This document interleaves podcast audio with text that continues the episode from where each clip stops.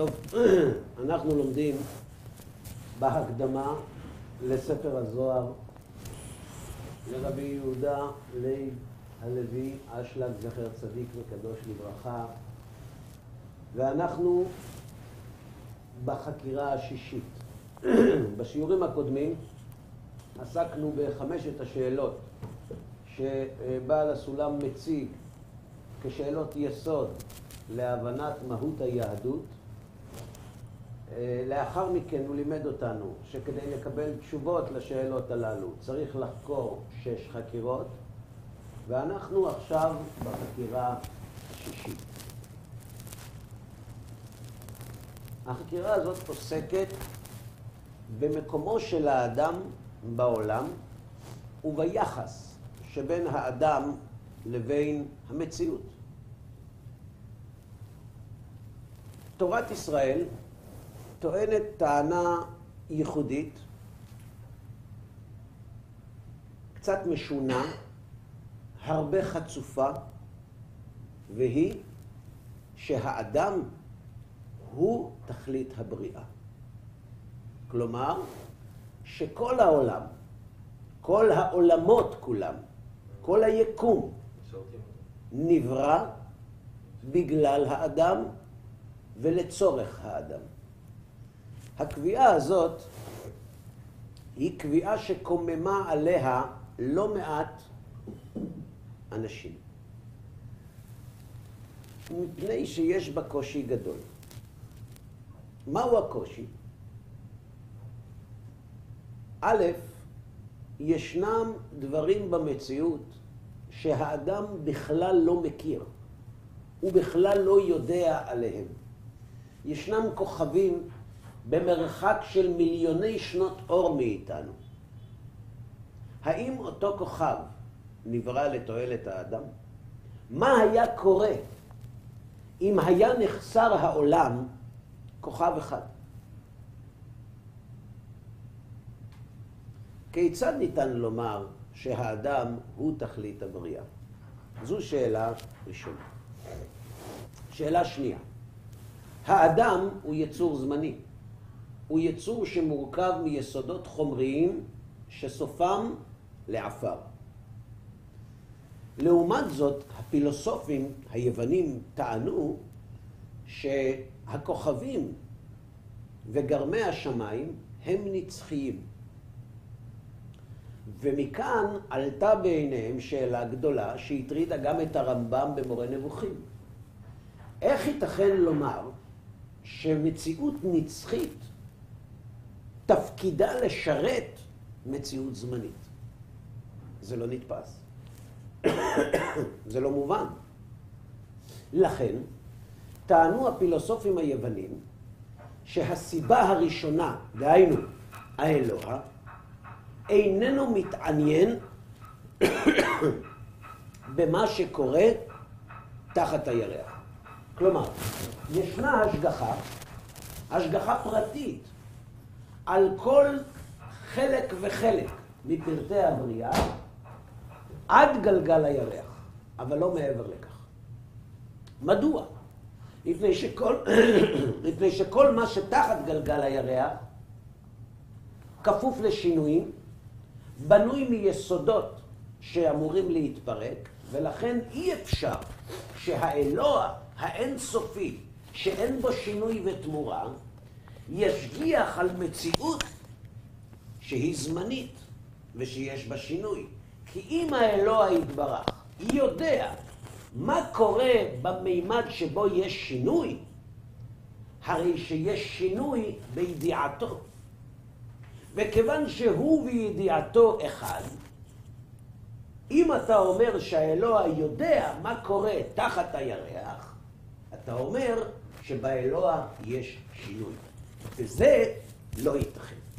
ומכאן הגיעו הפילוסופים למסקנה המלומדת שלהם במרכאות, שהאלוה לא מתעניין במה שקורה תחת גלגל הירח, וגם לא יודע מה קורה תחת גלגל הירח. ברור. על זה כותב הרמב"ם, שבאו הפילוסופים להציל את הבורא מחיסרון קטן, והכניסו אותו בחיסרון גדול. מדוע? למה לפי דעתכם הידיעה שעל פיה לכאורה יש שינוי בידיעת הבורא היא חיסרון קטן, ואילו ההתעלמות מן הבריאה היא חיסרון גדול. למה? אני אסביר שוב את השאלה. למה הפילוסופים טענו שהאלוה לא יודע מה קורה בעולם שלנו? בעולם הכוונה בכדור שלנו, תחת הירח. למה הם, למה הם התעקשו לטעון שהוא לא יודע מה קורה? למה זה חיסרון? שינוי בנצחיות. כי בעולם שלנו יש שינוי. אתמול ראובן בן יעקב היה, והיום הוא אינו נמצא, הוא מת. אז אם אלוהים יודע את ראובן בן יעקב, אז הוא יודע את ראובן שחי, ויודע את ראובן שמת. אז יש שינוי בידיעה האלוהית. ואם יש שינוי בידיעה האלוהית, ואם הוא וידיעתו אחד, חס ושלום, יש שינוי בבורא. וזה חיסרון, ולכן הוא לא יודע מה קורה כאן. השאלה ששאלתי הייתה, מדוע הרמב"ם אומר שלא לדעת מה קורה בעולם שלנו, או לא להשגיח עליו, זה חיסרון גדול יותר מאשר השינוי שיש בבורא. זה שתי חסרונות. מה? זה שתי חסרונות. למה שני חסרונות? כי חסרון אחד זה שאין לו את ידיעת העתיד, כי הוא ברא דבר ונפגם ולכן הוא לא מתייחס אליו, אז אין לו את ידיעת העתיד, כי אם היה יודע לא היה בורא אותו מלכתחילה. דבר שני, זה רגע, רגע. אנחנו, אנחנו עובדים להגיע. אתה מעלה טיעון, צריך לבדוק אותו. אתה אומר, אם האלוה לא יודע מה קורה כאן, אז יש בו חיסרון, כן. נכון? למה אי הידיעה היא חיסרון יותר גדול מהידיעה? אגב, גם על זה יש קושייה גדולה. הרלב"ג למשל אומר שהאלוה לא יודע מה קורה פה. ככה טוען רבנו לוי בן גרשום, מגדולי פרשני התנ"ך. הוא אומר שהאלוה לא יודע מה קורה בעולם שלנו. האם אתה חושד את הרלב"ג בנתינת חיסרון בבורא? כנראה שלא. מה יאמר הרלב"ג? כיוון שהבורא הגביל את עצמו לא לדעת מה קורה בעולם שלנו, הרי שאין זה חיסרון אלא מעלה. שהוא אין סוף וכל יכול, והוא יכול לא לדעת. עכשיו אני חוזר לשאלה, למה לא לדעת מה קורה כאן זה חיסרון יותר גדול מלדעת מה קורה כאן? זה לעזוב את השני ל... יצר, יצר, יצר אותו דפוק ושולח אותו ככה, שיסתדר עם עצמו. לא עכשיו מוסרי. אתה עובר מבית המדרש האחד לשני. אתה עכשיו מעלה טענה חדשה. אתה אומר, שמע, זה לא פייר. אז אתה בבית המוסר עכשיו, לא בבית המדרש. כי בבית המדרש אין לנו תשובה ברורה. יש תשובות נוספות. אם, הוא הגביל את כן יכל לדעת את השינוי. החיסרון הוא אי היכולת. היכולת לא לדעת זה לא אי יכולת. זו יכולת גדולה הרבה יותר מאשר לדעת. אז נאמר כך, הטענה שהרמב"ם אומר שלא לדעת מה קורה בעולם זה חיסרון גדול יותר מאשר לדעת, זה טיעון מוסרי. זה לא ראוי שהבורא יתברך יברא עולם ויהיו בו בריות והוא יתעלם מהם. זה חיסרון הרבה יותר גדול. עם החיסרון בשינוי בבורא אפשר להתמודד, אומר הרמב"ם. אבל אלוה לא מוסרי, זה חיסרון עצום. מובנת הטענה?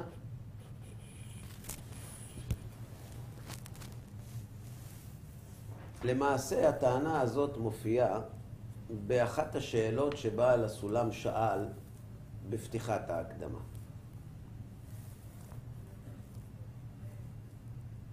לפי שהשכל מחייב, שהלא הוא יתברך טוב ומיטיב שאין למעלה ממנו.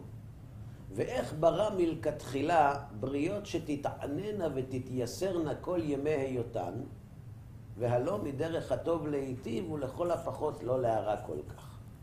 יש כאן שני טיעונים. יש כאן טיעון לוגי ויש כאן טיעון מוסרי.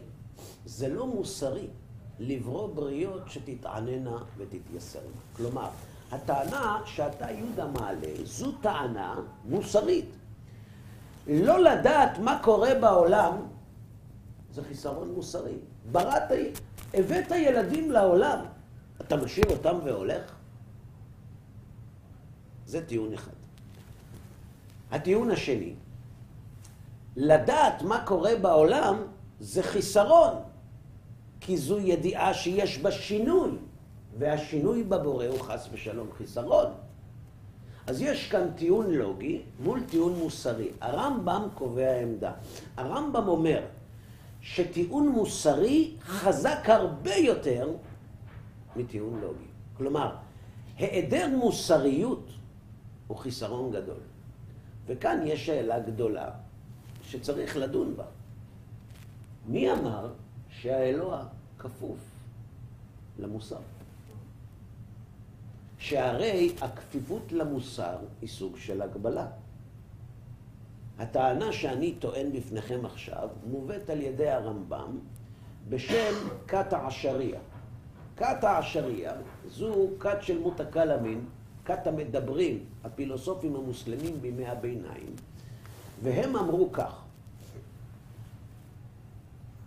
זה שהאלוה נותן שכר לצדיקים ועונש לרשעים, זה לא קשור למוסר. כך גזרה חוכמתו. למה הם נאלצים לטעון טענה כזאת? כי הם אומרים שהאדם הוא נטול בחירה. אתם מכירים את המושג מכתוב? גזירה קדומה קוראים לזה אצלנו. כלומר, גורלו של האדם וכל קורותיו בחייו נקבעים מראש על ידי האלוה ואין לו שליטה על שום דבר. זו טענה מוסלמית, שאגב, חלק גדול מאוד מהמוסלמים מחזיקים בה עד עצם היום הזה, ויש לזה הרבה השלכות, גם פילוסופיות, גם דתיות וגם פסיכולוגיות. שום דבר לא תלוי בך. אז אם שום דבר לא תלוי בי, למה נותנים שכר לצדיקים ועונש לרשעים?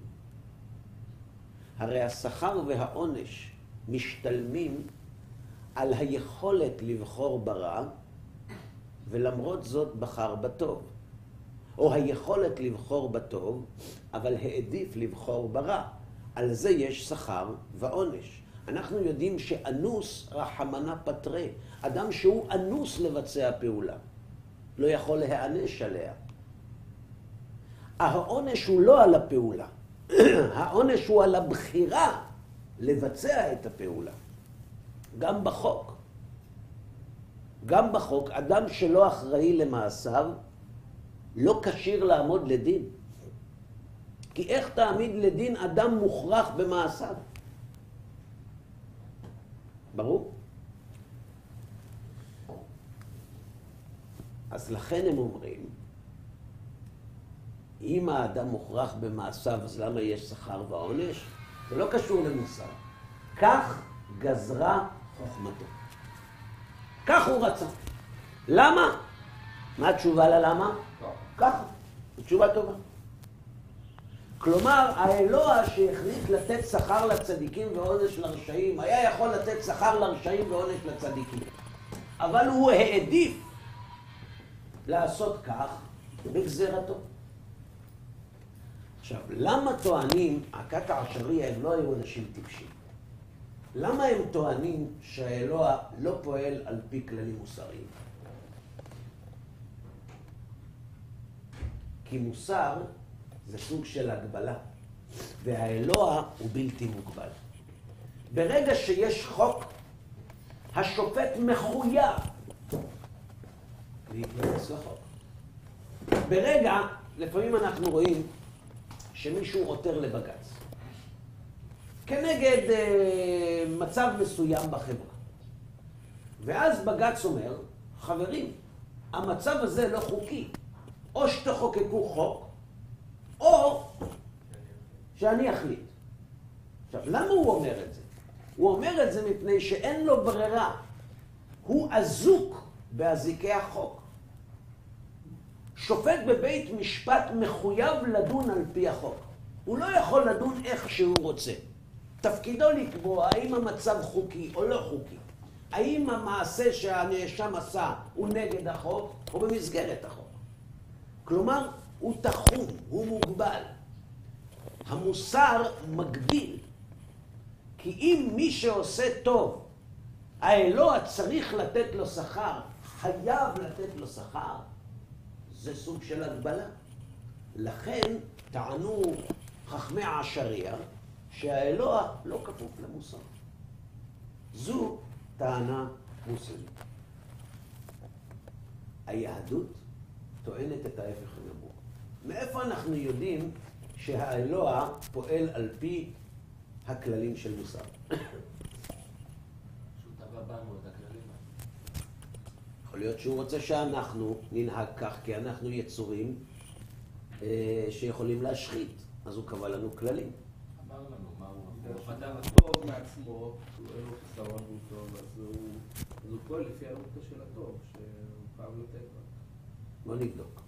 יש לנו כמה, כמה הוכחות שהאלוה פועל על פי כללים של מוסר. הוא לא מחויב להם, אבל הוא פועל על פיהם. הוא חייב עצמו לפעול על פיהם. כשהקדוש ברוך הוא אומר למלאכים ללכת להשחית את סדום, אומר האלוה, המכסה אני מאברהם את אשר אני עושה. והוא הולך אצל אברהם ואומר לו שהוא עומד להפוך את סדום. מה הטיעון הראשון של אברהם מול הבורא? האף תספה צדיק עם רשע? השופט כל הארץ לא יעשה משפט? מאיפה אברהם למד לטעון טענות כאלה? עומד האדם מול הבורא ואומר לו, ריבונו של עולם, מה, אתה הולך להרוג צדיקים עם רשעים? אז מה התשובה של חכמי העשריה? כן. כן. כלומר, הבסיס שעליו אברהם בונה את הטיעון שלו כדי להגן על סדום מן ההפיכה, היא הטיעון המוסרי. האב תספה צדיק עם רשע. כשהאלוה פונה לקין אחרי שהוא הורג את הבל, הוא שואל אותו, איה הבל אחיך? ו- וקין עונה, השומר אחי אנוכי. והאלוה משיב, כל דמי אחיך צועקים אליי מן האדמה.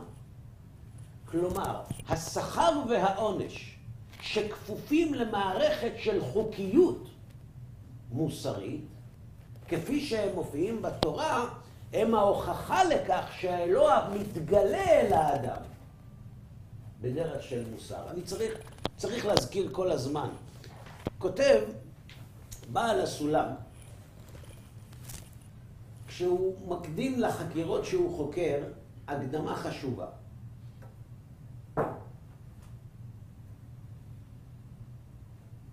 ולא חס ושלום במקום האסור, החקירות, אלא, דהיינו בעצמותו של הבורא, אשר לית מחשבה תפיסה בו כלל, ואין לנו משום זה שום מחשבה והגה בו יתברך.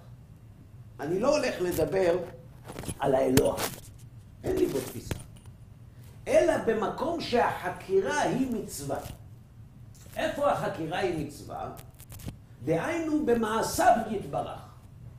כפי שכתוב, דע את אלוהי אביך ועובדהו, וכן נאמר בשיר הייחוד, ממעשיך יקרנוך. כלומר, החקירות שאנחנו חוקרים הן תחומות במעשים של הבורא, דהיינו. באופי של ההתגלות האלוהית בעולם. אנחנו לא עוסקים בו, אנחנו עוסקים בדרך שבה הוא מתגלה אליהם. והאלוה מתגלה לבני האדם כאלוה שפועל על פי עקרונות מוסריים. הוא לא כפוף לזה, אבל אלינו הוא מתגלה, הנהגתו את העולם מתנהלת בדרך של מוסריות. ולכן אומר הרמב"ם, לומר שהאלוה לא יודע מה קורה כאן, לכאורה זה חיסרון בבורא, הוא מטפל בזה. אבל לומר שהוא לא יודע מה קורה כאן, מה, לומר שהאלוה יודע מה קורה כאן זה חיסרון בבורא, הרמב"ם מטפל בזה. לומר שהוא לא יודע, חיסרון הרבה יותר גדול. זה ממוטט את כל היסוד שאמונת ישראל יושבת עליו. העיקרון המוסרי, השכר והעונש.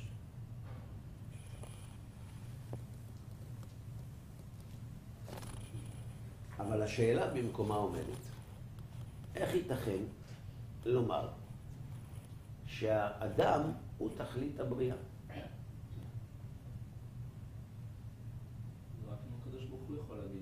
לא? אה? אם הקדוש ברוך הוא יגיד את זה, לא? זה נכון, השאלה איפה הוא אמר את זה. הרמב"ם אומר שהוא לא אמר את זה. אבל הוא הוסיף את זה לבד בעצמו, הרמב"ם? הרמב"ם אומר שבאף מקום לא כתוב שהאדם הוא תכלית הבריאה. הוא מסכים שהאדם הוא נזר הבריאה שתחת הירח. כלומר, היצור הנעלה ביותר תחת הירח זה המדבר. כי הוא מסוגל להגיע בחוכמתו לדבקות באלוה. ולכן הוא נזר הכדור. אבל לומר שגרמי השמיים, אומר הרמב"ם, נבראו בשביל האדם, זו יומרה גדולה מדי. ככה כותב הרמב"ם. אנחנו, כשהתחלנו ללמוד מסילת ישרים, עסקנו לכאורה בסתירה שיש בין דברי רמח"ל לדברים הללו של הרמב"ם. שאנחנו אומרים שהאדם לא נברא אלא להתענג על השם, שהוא תכלית הבריאה, והרמב"ם אומר שלא. אז שם עסקנו בלכאורה סתירה הזאת, ודנו בה. אבל חז"ל אומרים במפורש, חייב אדם לומר, בשבילי נברא העולם. זאת אומרת. יפה, יפה מאוד. זאת אומרת כך, איך הרמב"ם מסתדר עם החז"ל הזה? פשוט. אומר הרמב"ם, אתה לא תכלית הבריאה, אבל אתה צריך לחשוב שכל העולם נברא בשבילך. יש לך תפקיד חשוב בבריאה הזאת. שואל בעל הסולם, במה שאמרו חז"ל, אשר האדם הוא מרכז כל המציאות.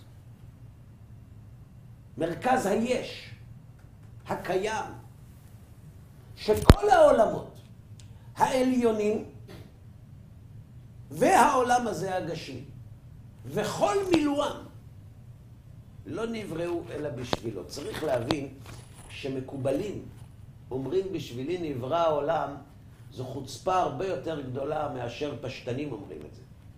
כי כשהפשטן אומר בשבילי נברא העולם, למה הוא מתכוון? לעולם הזה. גם זו קושייה. כל העולם הזה בשבילך. כשהמקובלים אומרים בשבילי נברא העולם, הם כוללים את כל השתלשלות העולמות. עולם אדם קדמון, עולם, עולם האצילות, עולם הבריאה, עולם היצירה, עולם העשייה שבתחתיתו העולם הזה. ואין קץ לעולמות הללו. לעולם הגשמי יש גבול ומידה, לעולמות הרוחניים אין. אז כל זה בשבילך. תודו שכשאנחנו אומרים את זה, אנחנו לא באמת מאמינים. זאת אומרת, אומרים, הלוואי שכל העולם היה נברא בשבילי. זה נשמע יותר אמיתי. אבל להגיד, להאמין בהם, חייבו. חייבו את האדם להאמין, וחייבו, אומר בעל הסולם, וחייבו את האדם להאמין שבשבילו נברא העולם, שלכאורה קשה להבין, שבשביל האדם הקטן הזה, שאין לו, שאינו תופס ערך של סערה בערך מציאות העולם הזה, מכל שכן, בערך כל העולמות העליונים שאין קץ להם ולרוממותם. טרח הקדוש ברוך הוא לברוא כל אלו בשבילו. אתה באמת חושב שאת כל זה עשה הבורא בשבילך. מי אתה? מי אתה שאתה כל כך חשוב שבשבילך נברא כל העולם הזה? קחו דוגמה, משל. אנחנו רואים אה, אנשים שמקימים אוהל ענק. מה זה? אנחנו עושים אירוע. ומגיעה סחורה, ומגיע אה, תפאורה, ו... ואתה הולך במעגל היותר רחב, אתה רואה שהם מנקים את העיר. למה יש אירוע? אז אתה שואל, מי הוא זה החשוב כל כך, שכל העיר כולה עסוקה בלהכין את האירוע שלו? הוא כנראה אדם חשוב. ואז אתה הולך עוד יותר, ואתה רואה שגם בשדה התעופה מגיעים מלא אנשים. לאן? לאירוע. אז אתה מבין שהאירוע הזה מכה גלים גם בחו"ל. ואתה שואל את עצמך, מי הוא זה שהוא כל כך חשוב, שמכל העולם נודדים ובאים כדי להשתתף באירוע שלו? ואז אתה מגיע לאירוע, ורואה ששמים על כיסא ילד קטן, ומרימים אותו שלוש פעמים, ואחת לשנה הבאה. מה תהיה המסקנה? סוף העולם הגיע. אנשים השתגעו. ואם זה בעל חיים, עוד יותר גרוע. כן? כמו שיש אנשים שעושים בר מצווה לבעלי חיים. זה מעיד על החוכמה הגדולה שלהם. אז כאן יש שאלה עצומה.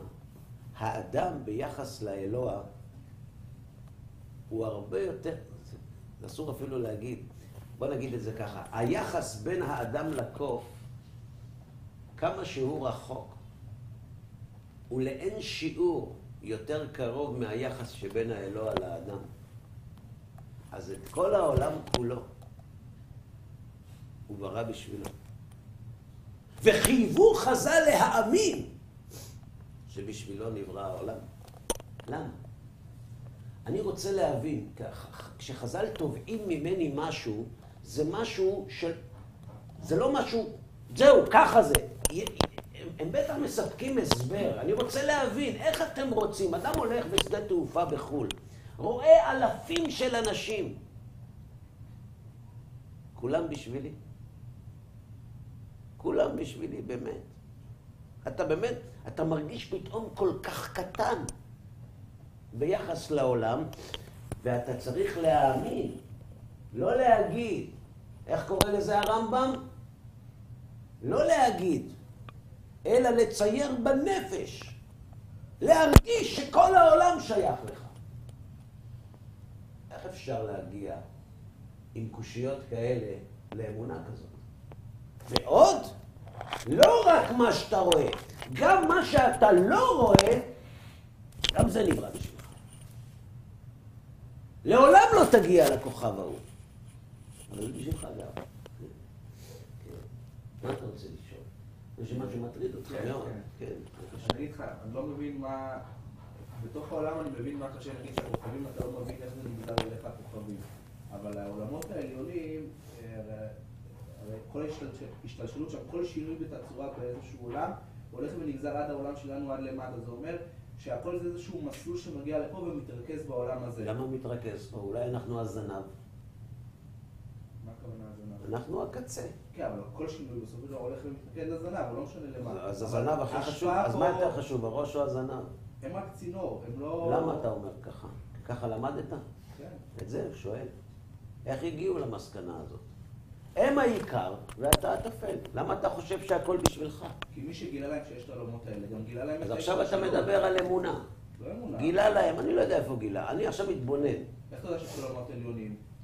אני לא יודע. אני מדבר על העולם. אבל שיודעים לא, את זה, לא, גם לא, לא, לא, לא. לא, אנחנו לא מערבבים. אוקיי. יש פה שתי שאלות. שאלה של פשט ושאלה של סוד.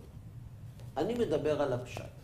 בעולם הפשט, בפשט נכון, אבל... רגע, רגע. שבסוד יותר קשה. לא, זה לא עובד ככה. בפשט יש קושייה. כן. יפה מאוד. עכשיו בואו נדבר על הפנימיות. אנחנו יודעים שהמקובלים מלמדים שיש כמה וכמה עולמות שמהם משתלשל בסופו של דבר העולם הזה. נכון. ועל זה שואל בעל הסולם, שקצת ידע קבלה כנראה, והוא שואל, מה גרם למקובלים לטעון שאנחנו המרכז? הרי זו טענה, זו, זו עמדה, אנחנו העיקר. כל העולמות תלויים בנו. כל תזוזה שלנו משפיעה על העולמות העליונים. זה נשמע רציני? זו קושייה. כמו שהם קיבלו את הידע על העולמות העליונים, באותה קבלה, הם גם קיבלו את הידע שהכל, בסופו של דבר, המטרה היא אלינו. ובאותה ידיעה שזה יתקבל, יתקבל ביחד. אז ולא אתה מדבר על אמונה. אוקיי, אני רוצה להבין את זה. זה לא הגיוני. כך אמרו להם, נכון. אבל הם רוצים להבין למה זה ככה. שיש מפעל שמייצר איזשהו משהו קטן ומורכב, תגיד לי, הם שילמו לך? לא, קטנות. לא, הם שילמו לך. אם אתה אומר שאתה מבין את השאלה על העולם הזה, וכל. מה שעולה שם נגזר לפה, אז השאלה גם... אז אנחנו, ברוך השם, בשעה טובה, סיימנו את חמשת השאלות וששת החקירות. השאלה הראשונה הייתה, מה מהותנו? השנייה, מה תפקידנו בשלשלת המציאות שאנו טבעות קטנות אימנה? השאלה השלישית, כשאנו מסתכלים על עצמנו, אנחנו מוצאים עצמנו מקולקלים ושפלים עד שאין כמונו לגנות. וכשאנו מסתכלים על הפועל שעשה אותנו, הרי אנו מחויבים להימצא ברום המעלות שאין כמוהו לשבח. כי הכרח הוא שמפועל שלם תצאנה פעולות שלמות. זו השאלה השנייה. השלישית, לפי שהשכל מחייב, הלא הוא יתברך הטוב ומיטיב שאין למעלה ממנו. ואיך ברא מלכתחילה כל כך הרבה בריות שתתעננה ותתייסרנה כל ימי היותן, והלא מדרך הטוב להיטיב ולכל הפחות לא להרע כל כך. השאלה החמישית, איך אפשר שמנצחי תצאנה פעולות, תימשכנה, נקרא בלשונו, איך אפשר שמהנצחי אשר אין לו ראשית ואין לו תכלית, תימשכנה בריות, הבות, קלות ונפסדות. ברור? אלה הם חמשת השאלות. מה הם ששת החקירות? א', איך ייתכן שהבריאה תהיה מחודשת? יש מאין. שהרי אם היש הוא מאין, איך הכל כלול בו יתברך? שאלה ראשונה, חקירה ראשונה. חקירה שנייה, אם תמצא לומר, אם תמצא לומר שהבורא, כיוון שהוא כל יכול, הוא גם יכול לברוא יש מאין, שמצד אחד זה כלול בו ומצד שני לא. בסדר, נאמין. אבל מהו אותו יש שנברא מאין? זו החקירה הבית. חקירה הג' אמרו המקובלים שנשמתו של האדם היא חלק אלוה ממעל, והמשילו זאת לאבן הנחצבת מהר, שהגרזן חוצב את האבן, וכל ההפרש בין האבן להר זה שההר הוא קול, והאבן היא חלק. ועל כך צריך לחקור. התנח אבן שנחצבת מהר, נחצבת בעזרת גרזן המוכן לכך. אבל עם איזה גרזן הנשמה נחצבת מהאלוה ונהפ- ונהפכת לחלק מכל? חקירה רביעית. כיוון שמרכבת הסדרה אחרה והקליפות רחוקות מקדושתו יתברך מקצה לקצה, עד שלא תצויר הרחקה כזאת, איך אפשר שתתמשך ותתהווה המרכבה הטמאה הזאת מן הקדושה? וגם אם כן, ולא עוד אלא שקדושתו יתברך מפרנסת אותם. מחיה אותם. ואתה מחיה את כולם, זה כולל הסדרה אחרא. חקירה ההא, בעניין תחיית המתים. אנחנו יודעים שעד שהגוף לא קלה באדמה, הנשמה לא יכולה להתענג בגן עדן. אז אם הגוף הוא כל כך בזוי ושפל, שנידון למיטה וקבורה, ואין מנוחה לנפש בעולם העליון עד שהגוף לא קלה, בשביל מה מחזירים אותו?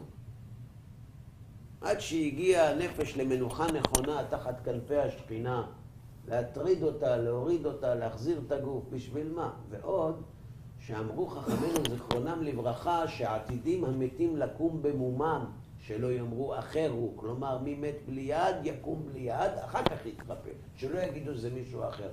מה אכפת לקדוש ברוך הוא מה יגידו?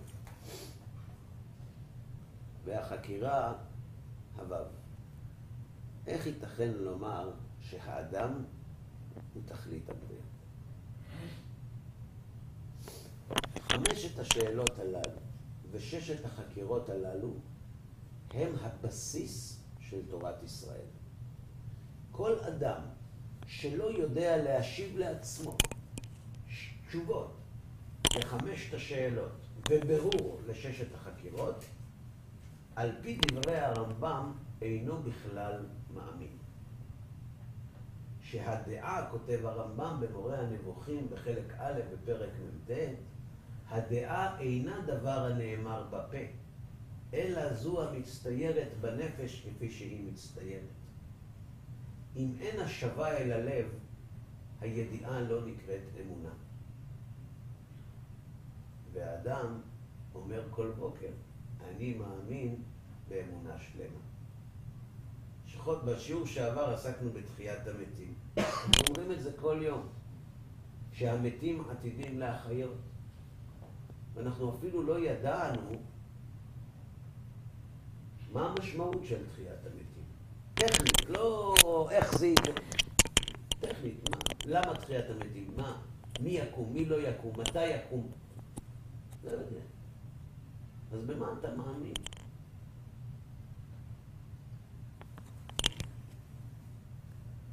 כאן בעל הסולם מתחיל מסלול מרתק של בניין היסוד שעל פיו אנחנו נקבל תשובות לכל השאלות. אגב, זה אחד מהמאפיינים של האמת. כשיש אלף שאלות ואלף תשובות, לא בהכרח שאלף התשובות נכונות. אבל כשיש תשובה אחת שעונה על אלף שאלות, זה מאפיין של אמת. כי אמת חייבת להתאים בכל התחומים. סיפרתי לכם שהחזון איש בא פעם לתלמוד תורה לשאול שאלה. היה לו קושייה. הוא בא לתלמוד תורה, הרבי פותח את הדלת, רואה את החזון איש. הוא אומר, מה, למה הרב בא והוא לא היה אדם בריא כל כך, חלש מאוד. אז הוא אומר, יש לי קושייה בתוספות. כמדומני זה תוספות. ואני לא מצליח למצוא תשובה, ואמרו ש, שהתלמידים פה לומדים את הגמרא הזאת, וראש של תלמידים הם קטנים, הוא עדיין ישר. נשאל אותה. ואז הוא שואל את השאלה, זה עונה בכו וזה עונה בכו, כל אחד נותן תשובה. יפה, יפה. ואז מישהו נותן תשובה, ואחרי שהוא נותן את התשובה, חזון איש מתחיל להסתובב בחדר. שתיים, שלוש דקות, ואז הוא אומר לו, התשובה שלך נכונה, ברך אותו, ויצא. הרבי מלווה את החזון איש החוצה, ויש לו שאלה, הוא אומר לו, כבוד הרב, זה ענה תשובה אמרת לו יפה, זה ענה תשובה אמרת לו יפה. למה הרב בחר דווקא בתשובה של הילד האחרון? ועוד שאלה, הרב ענה יפה מיד לילדים הראשונים, ולילד האחרון הרב לא ענה מיד, זה לקח לו שתי דקות שלוש. רק אחר כך אמר לו יפה. אמר לו החזון איש זה פשוט. הברקה אפשר לתת. הברקות, מין חילוקים, כל אחד יכול לתת, וזה יפה. אבל הברקה היא לא בהכרח תשובה אמיתית. איך יודעים שההברקה היא תשובה אמיתית? אם היא מתאימה לכל הקונפליקטים שמופיעים בש"ס באותו נושא. אם התשובה הזאת נכונה בכל המקומות, היא אמיתית. זה לוקח זמן.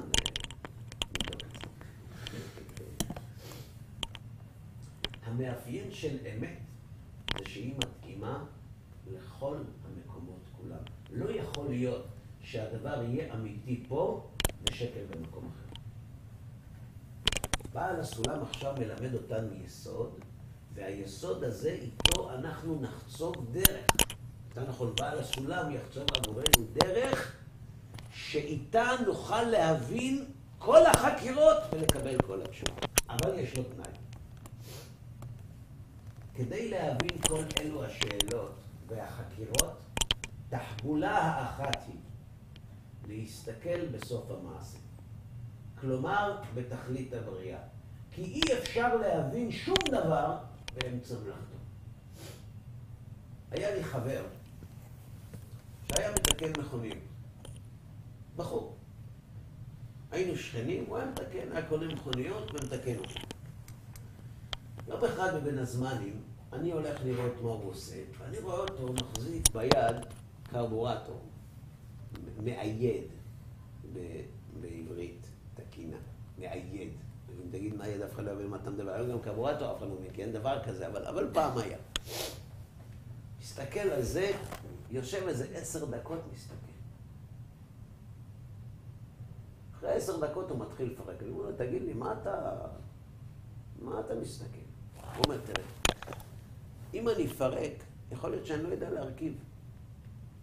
כשאתה מסתכל על זה, אתה קודם כל רואה איך זה בנוי. אתה מבין מה המטרה של המאייד, ואז עם הידיעה הזאת אתה ניגש לפירוק. הסיכויים שתיכשל הם מאוד קטנים. כי אם אתה יודע מה התפקיד של המכשיר, יש בזה היגיון איך זה בנוי. וזה מה שאומר בעל הסולם. צריך תחבולה, להסתכל בסוף המעשה. כלומר, בתכלית הבריאה. אתה רוצה לקבל תשובות לכל השאלות? בוא נבדוק קודם כל מה המטרה של כל הסיפור הזה. ומשם נלך אחורנית. ואז נקבל תשובה. כי אי אפשר להבין שום דבר באמצע מלאכתו. לדוגמה, נתן לנו את זה בעל הסולם ב... ב... במאמר מהות הדת ומטרתה, שיש, ההשגחה האלוהית היא השגחה מטרתית.